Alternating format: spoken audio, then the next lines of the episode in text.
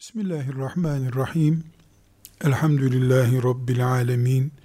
Ve sallallahu ve sellem ala seyyidina Muhammedin ve ala alihi ve sahbihi ecma'in. Müslim'de 2699. hadis olarak yer alan bir hadis var. Resulullah sallallahu aleyhi ve sellem hani mühür gibi söz denir ya öyle bir sözü önümüze koyuyor. Buyuruyor ki ameli yetersiz olanı soyu kurtarmaz. Ameli yetersiz olanı soyu kurtarmaz. Men batta'a bihi ameluhu lem yusri' bihi nesebuhu.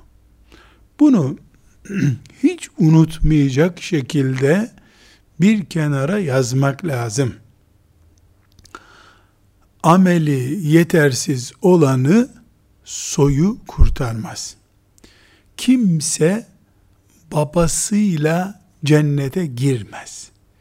Kimse soyuyla cennete girmez. Kimse ülkesiyle cennete girmez filan yerli olmak, filan topraktan olmak fayda etseydi insana, ameli olmadığı halde, Mekkeli müşrikler, İbrahim aleyhisselamın torunları olarak hepsi cennetlik olurlardı. Bir akraba, yakın, baba insana kurtarıcı olsaydı ameli olmadığı halde Ebu Talip şimdi cennette olurdu.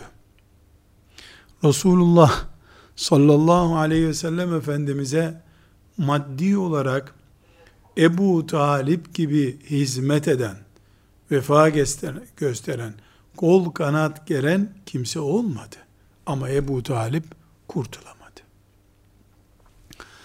Allah amel istiyor. Amelin yerine kimse babasını gösteremez. Dedelerini gösteremez. Toprağını gösteremez.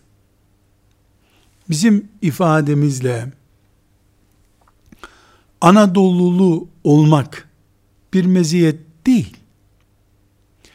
Orta Doğulu olmak da kurtarıcı değil.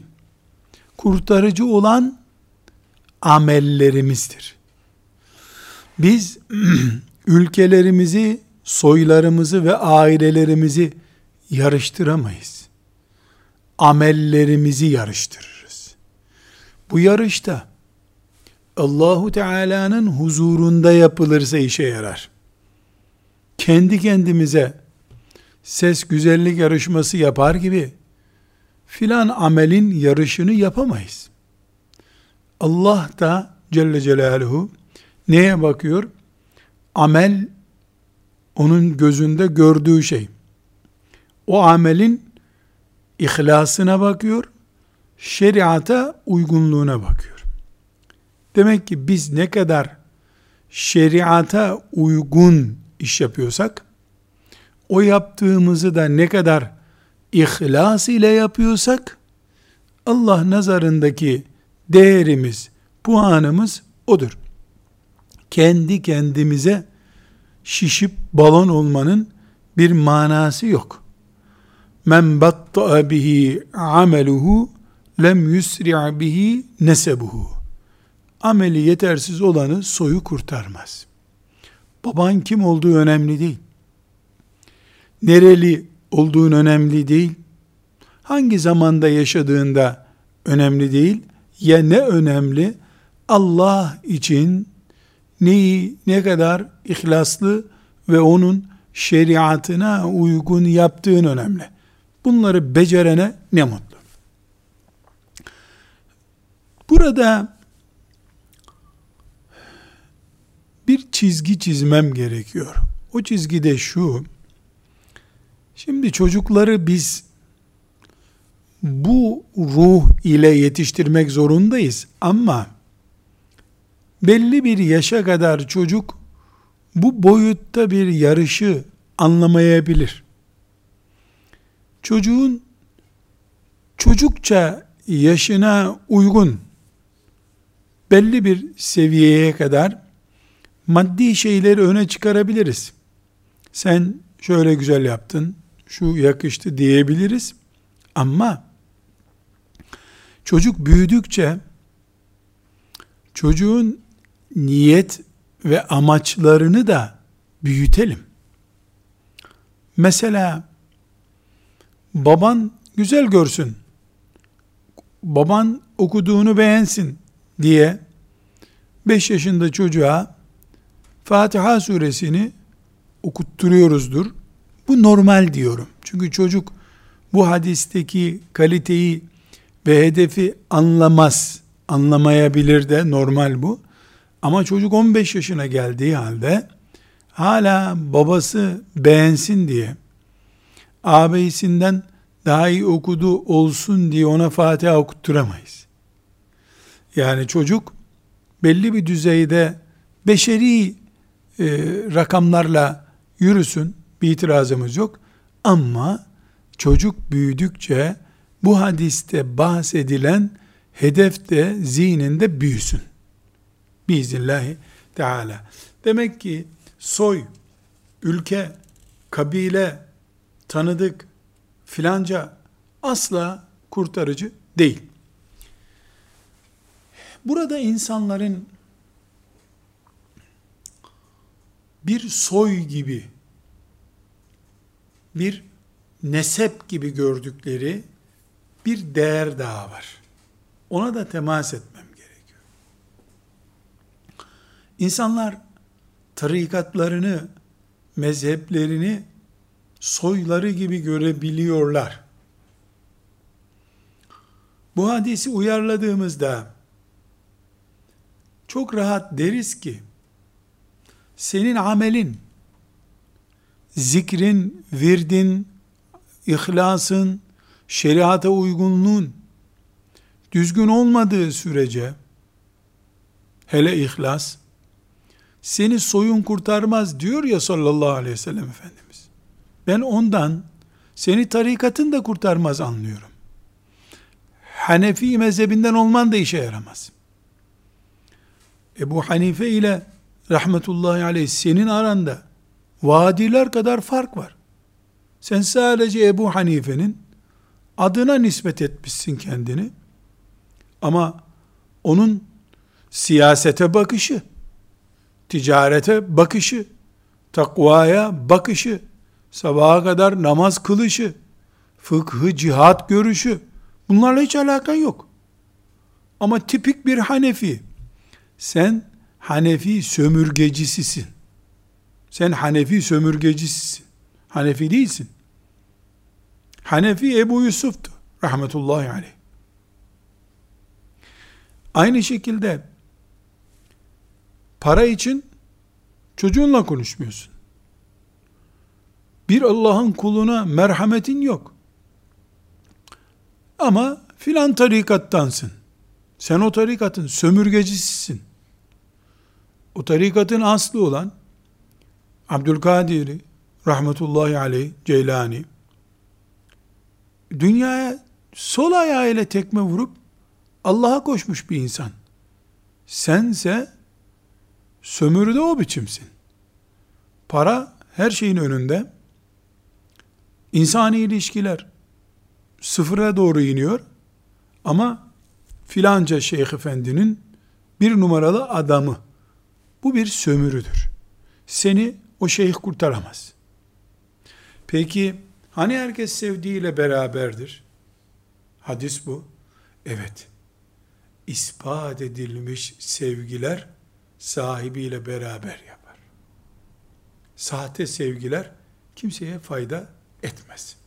Bu hadisi şerifi de bu şekilde bir kenara not etmiş olalım. 38. hadisi şerifi Bukhari'den 6498. hadisi şerif olarak aldım. İnşaallahu Teala hayata bakışımızı dizayn edecek çok önemli bir hadis olarak hafızalarımıza bu hadis-i şerifi kaydedeceğiz. Resulullah sallallahu aleyhi ve sellem Efendimiz topluma nasıl bakmamız gerektiğini, o bakışa göre de kendimizi nereye oturtmamız gerektiğini anlatan muhteşem bir hadisi şerif bize beyan ediyor. Buyuruyor ki, toplum dediğin şey, bir araya getirilmiş yüz deve gibidir. Bildiğimiz deve. Yüz devenin içinden şöyle sırtı düz binilecek bir tane bulamayabilirsin. İşe yarar bir tane bulamayabilirsin. Adı üstünde deve. Hadis insanları deveye benzetmiyor. Hakaret yok hadisi şerifte. Develerdeki başıboşluk, bir işe yaramama, öncü olamama, bir at gibi hareketli olamama kabiliyetini teşbih ediyor. Bugün mesela bin senedir filan topraklarda yaşayan filan ırk ele alınsa ve nüfusu şu anda bir milyon kabul edelim. Bir bin senedir de bunlar burada yaşıyorlar. Hep bir milyon olarak diyelim. Bir milyar insan ederler. Mesela herhangi bir ırkı ele alıyoruz. Şimdi buradan bir soru soracağız. Bu bir milyonluk ırkta maddi ve manevi, dini açıdan, e, insani açıdan, maddi değerler açısından kaç tane sivri şahsiyet çıkmıştır?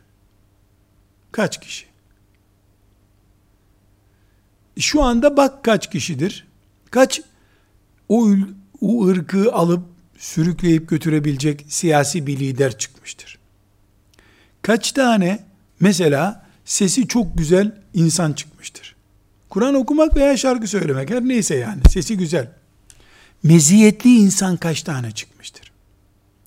Kaç tane sosyolog, kaç tane matematikçi, kaç tane fizikçi çıkmıştır? Mesela bütün dünyanın bilim tarihini sürükleyen kaç fizikçi var? 300 senedir fizik diye bir bilim üzerinde çalışılıyor diyelim. Kaç milyon bunlar diyebilir miyim? Milyonca fizikçi olmaz. Yok. Fizikçi tarihi ansiklopedisi yazılsa bin kişi konamaz oraya mucit mantıklı olarak. E bu sadece Avrupa'nın 3 milyonluk bir ülkesindeki fizikçileri aramıyoruz. Bütün dünyadaki fizikçiler 1 milyon insan değiller. Aynı şekilde İbni Haldun gibi kaç kişi var? Şimdi ve tarih boyunca. Ebu Hanife gibi rahmetullahi aleyh kaç kişi var? Tarih boyunca ve şimdi. Tutup cephelerde erkekler gibi savaşan kaç kadın oldu? Yani insanlık büyük bir kitledir. Hepsi mükerremdir Allah katında. İnsan olmak, şerefli olmak için yeterli. Ama siyasette toplumu alıp götürecek kaliteli fikir adamı, matematikte ilerleyecek, güzel sesi olacak, filan filan meziyetleri üzerinden aradığımız zaman tek tüktür bu. Burada da Resulullah sallallahu aleyhi ve sellem Efendimiz çok harika anlaşılacak bir örnek veriyor. Ne buyuruyor? Yüz deve bir araya getirilmiş. Bir tane bulursun bulamazsın buyuruyor. Bir tane bulursun bulamazsın buyuruyor. Demek ki biz bir toplumda sivri, şahsiyetli, kaliteli insanı yüzde birlerde arayacağız. Bu illa yüzde bir olacak diye bir şey yok. Binde bir de olabilir. Yüzde iki buçuk da olabilir. Ama yani rakam üç haneliden bir haneliye düşecek. Yüz, üç haneli bir rakam. Bir, tek haneli bir rakam. Yani kitleyi gördüğün zaman üç haneli okuyabilirsin kitleyi. Yüzler, binler var burada dersin. Ama kalite aradığın zaman bu birdir. Şimdi bir ilkokulda işte 500 öğrencili bir ilkokulda işte bilim ödülü almaya aday kaç öğrenci var? Hatta seçmece imtihanla alınan okullardan kaç tane çıkıyor? Ki onlar seçilmişleri topluyorlar. Bu bir hakikat. Bunu Peygamber sallallahu aleyhi ve sellem söylediğinde sosyoloji, mosyoloji yoktu dünyada. Pedagoji diye de bir şey yoktu. Ama vahiy vardı elhamdülillah.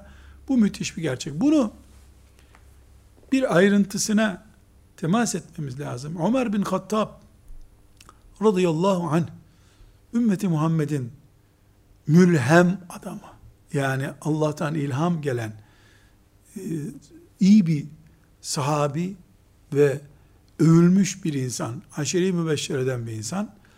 Bir gerçek var, çevresi de onun gibi ama. Ömer bin Hattab radıyallahu anh Bizans İmparatorluğu'nda yaşamadı. Ashab-ı kiramın ortasında yaşadı. Yani kendisi gibi insanlarla dolu bir toplumda yaşadı. Meşhur hadisi şerifte ya da meşhur Ömer sözünde e, hani e, Ömer radıyallahu anh bir arkadaş grubuyla e, oturuyor da e, onlara diyor ki hadi herkes bir şey istesin bakalım ne istersiniz diyor. Oradaki arkadaşları da işte bir oda dolusu altın olsa da infak etsem diyor. Öbürü diyor ki mücevher olsa bu oda infak etsem diyor. Sonra başka biri de diyor ki Ömer senin ağzında bir bakla var onu çıkar sen ne demek istiyorsun diyor. Sen ne istiyorsun diyor. Ömer radıyallahu anh çok önemli. Diyor ki şu oturduğumuz oda dolusu kadar Ebu Ubeyde gibi, Huzeyfe gibi, Salim'in Mevlası gibi yani 3-4 tane isim zikrediyor. Muaz gibi adam olsa da onlarla Allah yolunda iş yapsam diyor. Bunu söylediği adamlar karşısındakiler büyük oranda Resulullah sallallahu aleyhi ve sellemin övgüsünü kazanmış sahabiler ya da yine övgü kazanmış tabiiler Ömer'i görüyorlar orada çünkü. Ömer gibi bir insan ümmeti Muhammed'in başında on binlerce sahabi yaşıyor. Belki yüz bin tabii etrafında kuşanmış dolaşıyorlar. Ama Ömer o büyük toplumda, o mübarek toplumda bir oda dolusu kaliteli adam arıyor. Bu akılları durduracak bir şey. Ömer gerçekleri mi söylüyor? Gerçekleri söylüyor.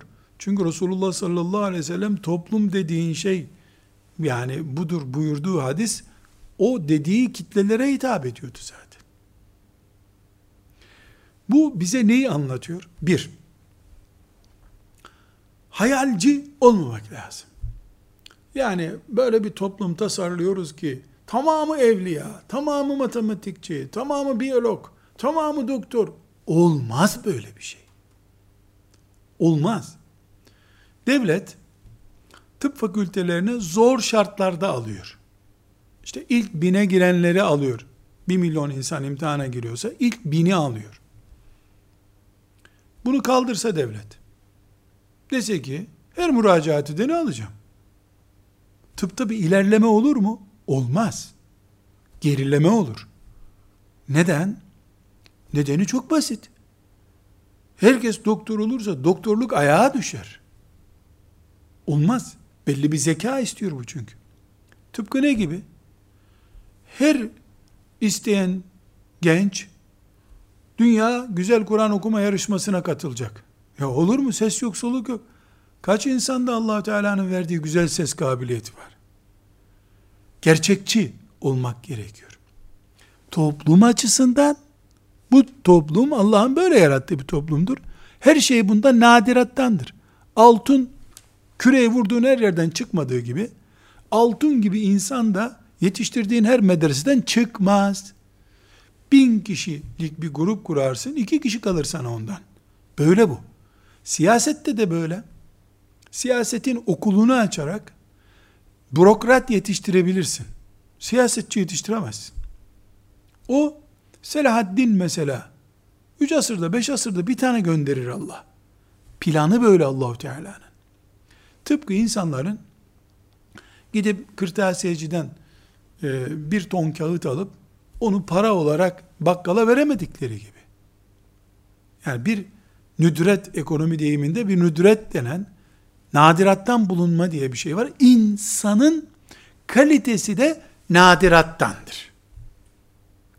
Bu gerçeği kabul eden birisi bunu Allah'ın ona biçtiği rolü sahiplenirken de kabul edecek. Yani sen siyasette aranan bir adam değilsin. Bunun için kahrolman gerekmiyor. Başka bir yerde aranacaksın sen ama gitmiyorsun oraya. Gitmiyorsun. Hepimizi allah Teala bir boşluğu doldurmak için yarattı.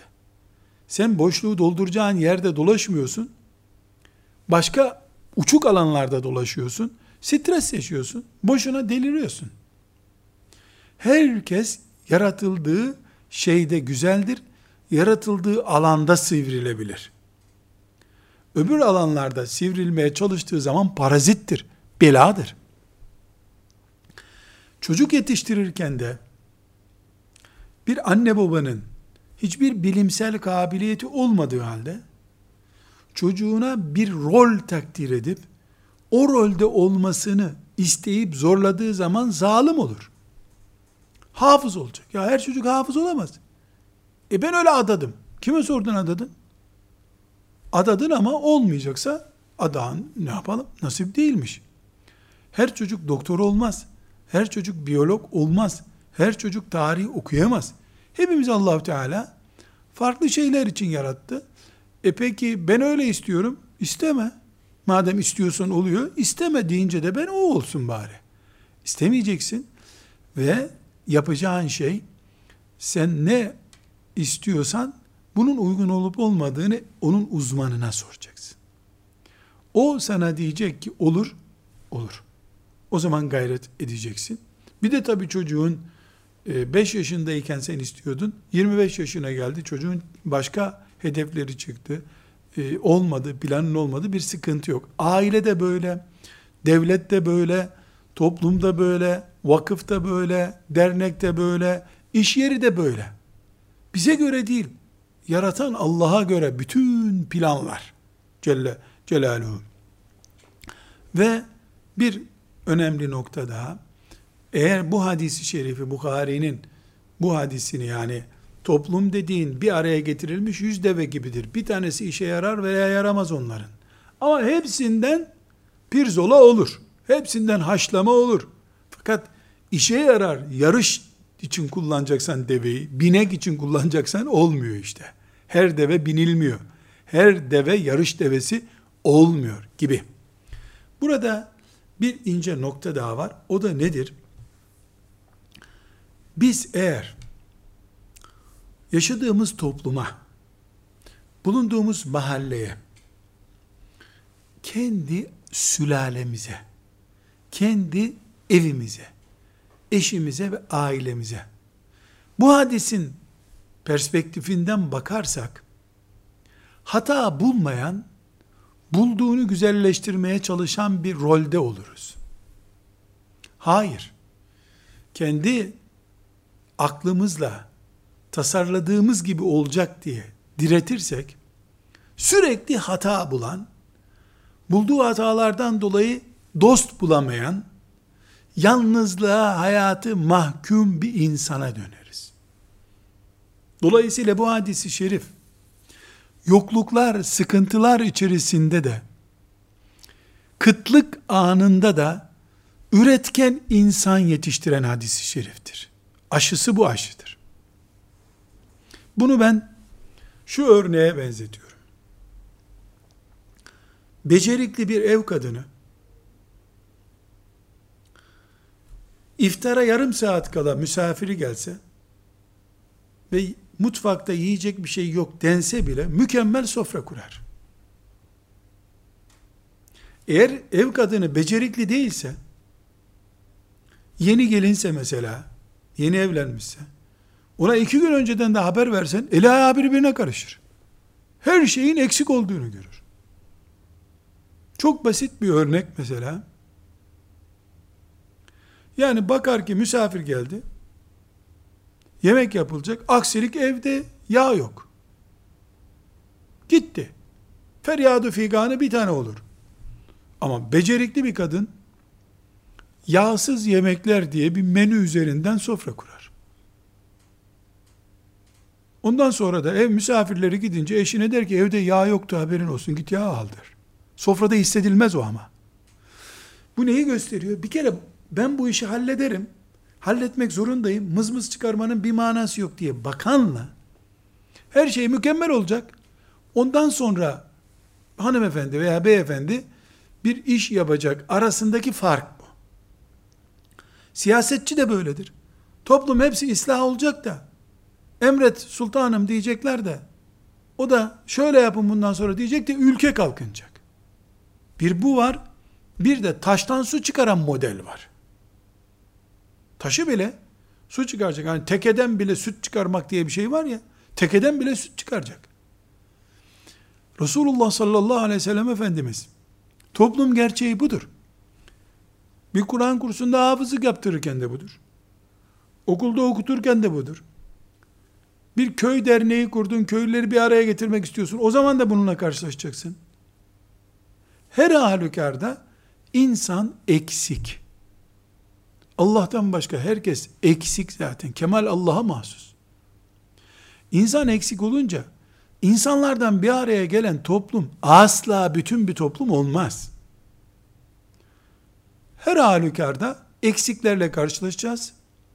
Ama dirayetimiz ve sabrımız, hayata bakış tarzımız biiznillahü teala ufkumuzu açacak bizim. İşte taştan su çıkaracağız, tekeden süt çıkaracağız gibi olacak. 39. hadisi şerifimiz Tirmizi'de 1987 numaralı hadisi şeriftir. Mübarek bir hadis. O kadar güzel aşı yapıyor ki bu hadisin e, yaptığı aşının sonunda oluşacak bağışıklık sistemimizde mükemmel ahlaklı insan vardır. Harika insan çıkar bundan. Bu hadisi şeriften. Efendimiz sallallahu aleyhi ve sellem buyuruyor ki, nerede olursan ol, Allah'tan kork. Allah korkusunu camiye sık, sıkıştırıp bırakma. Her yerde Allah'tan kork. Bir. İki, bir kötülük yaparsan hemen ardından iyilik yap, o onu temizlesin. Üç, insanlara güzel ahlaklı ol. Üç şey, takva, kötülüğün arkasından iyilik ve ahlak. Bu üç şey bizim iç cihadımızı temsil ediyor. İyi insan ve iyi Müslüman bu üç mantığın üzerine oturuyor. Bir yerde cihada komutanıyla savaşa giden birisi vuruyor, öldürüyor filan. Bu onun dış görüntüsü. Aynı insanın çocuklarına, arkadaşlarına onun kim olduğunu sorduğumuzda verecekleri cevap bu üç şeydedir ama. Allahu Teala da dış görüntümüze puan vermiyor. İç görüntümüze puan veriyor. Ne gibi? Yani namazda biz niyetimiz neyse onun sevabını kazanıyoruz. Dışarıda namazda ellerimizi çok sıkı bağlayıp boynumuzu bükük durduğumuz için o namaz çok iyi olmuyor ki. Her şey niyetle başlıyor. İç yapımız, iç donanımımız, buna ihlas diyebiliriz, samimiyet diyebiliriz, iyi niyetler diyebiliriz. Neyse onu Allahu Teala değerlendiriyor. Bu hadisi şerifte bu iç donanımımızı düzenliyor. Bir kere hadiste ne var? Yani sen yüzde yüz doğru olamazsın. Eğrilik bir yerden çıkacak muhakkak. Hata çıkacak. Ama bunu düzeltmek mümkün. Ne yapıyorsun? Bir defa prensip olarak sadece camide ve umreye gidince Mekke'de değil senin takva hayatın. Her yerde takva olmaya çalışıyorsun. Ama oldu bir yerde bir yanlış yaptın. Eyvah deyip yalandan çekip gitmiyorsun. Ne yaptın mesela? Cimrilik yaptın. Yakışmıyordu sana. Sadaka veriyorum onun yerine. Bir eksi şeytan kaptıysa melekler de bir artı kapsın diyorum. Mesela çirkin bir söz kullandım. Estağfurullah deyip tövbe ettim. Ama bir boşluk oluştu. La ilahe illallah Muhammedur Resulullah deyip artıyı onun yerine oturtuyorum. Mesela ne yaptım? Hiç yapmayacağım bir iş. Haberlere bakarken filan bir müzik parçası kulağıma rastladı. Bir dakikamı harap etti. Ya bu dinlenir miydi? Ne yaparım? İstiğfardan sonra bir sahife Kur'an okurum. Yani hayatı şeytana yem olacak şeylere götürmeyeceğiz biz prensip olarak ama diyelim kaydı. Bunu hemen düzeltme, telafi etmenin yolu var. Nedir o? Hemen bir sayfa Kur'an okumak. Mesela aklıma geldi ki ben teyzemi aramamışım. Sıla-i Rahim yapmamışım. Eyvah! Gittim telafi ettim. Ama o açık bir kere yazıldı defterime. Giderim, fazladan bir sıla rahim daha yaparım başka bir akrabama. Yani böylece şeytanla boğuştuğumu fiilen meleklere göstermiş olurum. Bu pes etmemeyi getiriyor beraberinde. Umumiyetle şeytan bizi günahlardan çok günahların önüne pes etmiş bir kimlikle yatıp kaldığımız, yıkıldığımız için kazanıyor şeytan. Yoksa günahtan hemen sonra tövbe edilse, silinse o, onun yerine hasenat, sevaplar yazılsa şeytan bir şey kazanamaz bizden. Tövbe her şeyi temizliyor çünkü. Ama zamanla kronikleşince bu günah aldı verdilerimiz pilimiz bitiyor. Pes ediyoruz adeta. Şeytan bu sefer kazanıyor. Üç şey çok önemli. Takvayı ömür boyu bütün zamanlar, bütün mekanların hayat tarzı haline getiriyoruz. Yanlışın arkasından hemen iyiliği beraberinde getiriyoruz. Onun tam aksi olacak şey neyse ve insanlara karşı iyi ahlaklı oluyoruz. Böylece Resulullah sallallahu aleyhi ve sellem Efendimiz güzel Müslümanlığın temelini öğretmiş oluyor bize. 40. hadisi şerifi Ebu Davud'da 4031. hadisi şerif olarak görüyoruz. Bu hadisi şerifi yaşı 50'yi bulanlar 70'li yıllarda hoca efendilerin Allah onlara rahmet etsin vefat edenlerine yılbaşına yakın cuma vaazlarında çok dinlemişlerdir. Men teşebbeha bi kavmin fehuve minhum. Bir kavme benzeyen onlardandır. Bunu okurlardı. Hele Timurtaş hocam Allah rahmet eylesin. Ve insanlara işte hindi yerseniz siz de Hristiyan olursunuz derlerdi. Herkes bildiğini de yapardı. Bir hindiden ne olacak düşünüyorlardı. Çünkü çünkü Yumurta çıkacak anında tavuğa müdahale edemiyorsun. Yumurta düşüyor zaten. Bir kavme benzeyen onlardandır. Abdest gibi, namaz gibi, Müslümana hayat tarzı olarak öğretilmeli. Bunu hayat tarzı olarak öğretirsen, sakal bırak diye yalvarmak gerekmez Müslümana. Çünkü sakalsızlığı Müslümanlarda görmemiş olur. Ashab-ı kiram da görmemiş olur. Men teşebbe bi kavmin fehuve minhum bir toplum örnek alındığında onu örnek alanların ahiretini etkilediğini gösteriyor. Bu birey için de geçerli, toplum için de geçerli. Ama biz bunu sadece yıl başında Hristiyanların hindisini yememek olarak alamayız. Hayat tarzı olarak, düşünce tarzı olarak, felsefe olarak, hatta ve hatta ceket düğmelememize varıncaya kadar. Biz Giydiğimiz gömleğin tarzına varıncaya kadar. Giydiğimiz kıyafete varıncaya kadar. Biz ve onlar. Tıpkı cennet ve cehennem der gibi. Biz ve onlar diyebildiğimiz zaman allah Teala'nın izniyle ve keremiyle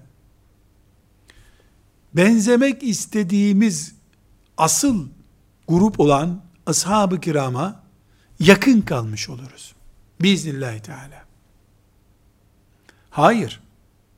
Bunu önemsemezsek hemen insan gavur olmaz. Ama ne olur? Müslüman örnek nesil olan ashab-ı kiramdan düşünce olarak uzaklaşmaya başlar. Bir zaman sonra ashab-ı kiramın yaptığı pek çok iş onun için o zamandı, bu zaman değile döner. Daha sonra da ashab-ı kiramın itikadında bile farklılık olmasında, yani ona göre bir sakınca görmemeye başlar. Önce bu toplumlarda başlar. Sonra ailelerin veya işte kabilelerin veya köylerin, şehirlerin benimsemesiyle sirayet eder. Bütün ülkeye, bütün kıtalara ve İslam ümmetinin tamamına etki edebilir. Onun için bir insanın bıyığının kime benzediği Müslüman olup olmadığını göstermez. Bir insanın sakal şeklinin görüntüsü kafir olup olmadığını göstermez. Böyle bir iddiada bulunulamaz. Ama nereye doğru yürüdüğünü gösterir. Bir bıyıktan nereye doğru gittiği anlaşılabilir. Mesela Müslümanlar Esselamu Aleyküm ve Aleykümselam ve Rahmetullah derler. Estevdu'ukallah diyordu Resulullah sallallahu aleyhi ve sellem Efendimiz. Seni Allah'a emanet ediyorum. Allah'a emanet ol. Biz Türkçe'de Allah'a emanet ol diyoruz buna. Peygamber Efendimiz sallallahu aleyhi ve sellem Estevdu'ukallah diyor.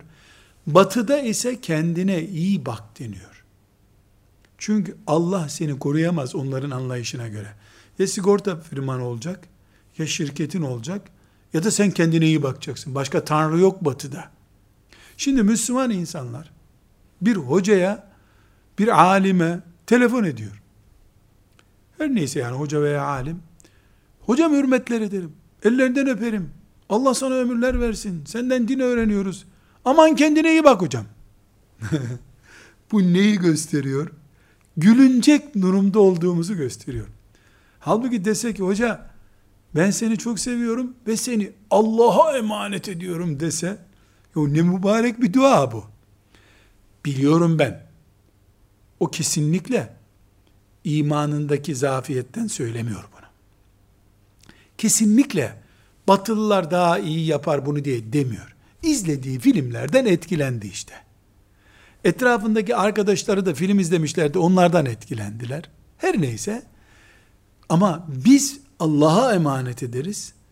Allah'ı kafasından haşa silmiş batılı sigorta şirketine veya kendi güvenliğine havale eder. Bu zamanla bu benzeşme yani sadece bir kime emanet ettiğimiz düşüncesindeki benzeşme bile zamanla akideye yansır, imana yansır, Kur'an'a bakışa yansır. Çünkü bugün batmış batılı da böyle battı batarken.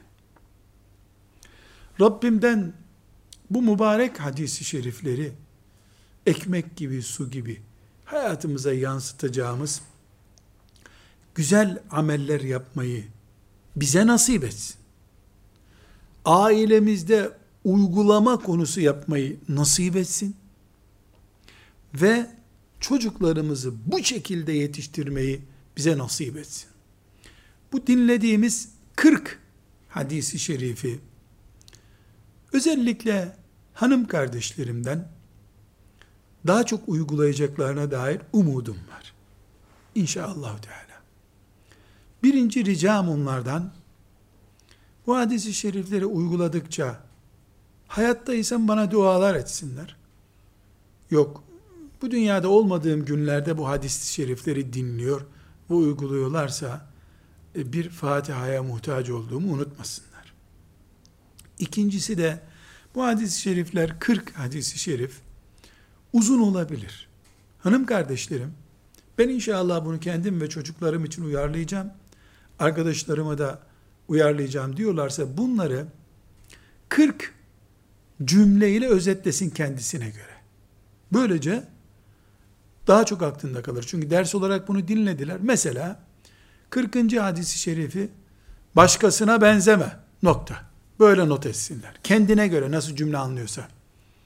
Mesela 39. hadisi şerifi her yerde Allah'tan kork. Ve yanlıştan sonra doğruyu yap. Ahlakı unutma diye sloganlaştırsın. Mesela bu toplum yüzde birliktir diye bir slogan kendine göre oluştursun. Mesela ameline güven, başka bir şeye güvenme desin. Hadisin tamamını ezberleyebiliyorsa o da güzel. Ama ben kolaylık yaptırmak istiyorum. Üçüncü tavsiyem ve ricam, biz bu 40 hadisi okuduk. Hiçbir şey aklımızda kalmadı. Boşuna dinledik hocayı. Kimse zannetmesin. Asla. Böyle hiçbir şey aklımda kalmadı diyene ben derim ki sen annenden hiç süt emdin mi? Emdim. Göster bakayım o sütü. Gösteremez. Bugün emdi çocuk, akşam bulunmaz, süt gider. İdrar olur gider. Öyle değil. Ondan bir hücrecik kalır, hayat olur o çocuğa. O sütü sen göremezsin. Ama tuttuğun zaman derisine, o tuttuğun yerde annesinin sütünden moleküller var. Sen göremiyorsun. Mikroskop altında görülüyor Nasıl görülüyor? Çocuk bir yaşında kızarmış, yara olmuş vücudu. Doktora götürüyorsun. Dönüp doktor çocuğun yarasına bakmadan kadına diyor ki domates yemeyeceksin sen diyor. Yediğin domates süt oluyor. Sütten çocuğa gidiyor. Bak alerji yapıyor bu çocuğa diyor. Demek ki bu çocukta domates alerjisi var. 3 aylık çocuk domates yemiyor. Annesi yiyor. Bak süt kaybolmuyor. Resulullah sallallahu aleyhi ve sellem bizim peygamberimizdir. Onun hiçbir sütü bizde kaybolmaz. Kimse merak etmesin. Ne olur? Bir kardeşimiz bu hadisi şerifleri dinledi. 38'i aklında kaldı. 30'uyla da amel etmeye başladı. Öbür kardeşimizin 7 tane aklında kaldı. 3'üyle amel etmeye başladı. O 7 tanesi aklında kalan iki kere daha dinler okur hadis-i şerifleri. Öbür kardeşimiz üç kere daha okur. Böylece okurken de elimle meşgul olduğumuz için ecir kazanırız. Biiznillahi Teala. Rabbim hepimize kolay etsin, mübarek etsin. Ve sallallahu ve sellem ala seyyidina Muhammedin ve ala alihi ve sahbihi ecma'in. Velhamdülillahi Rabbil alemin.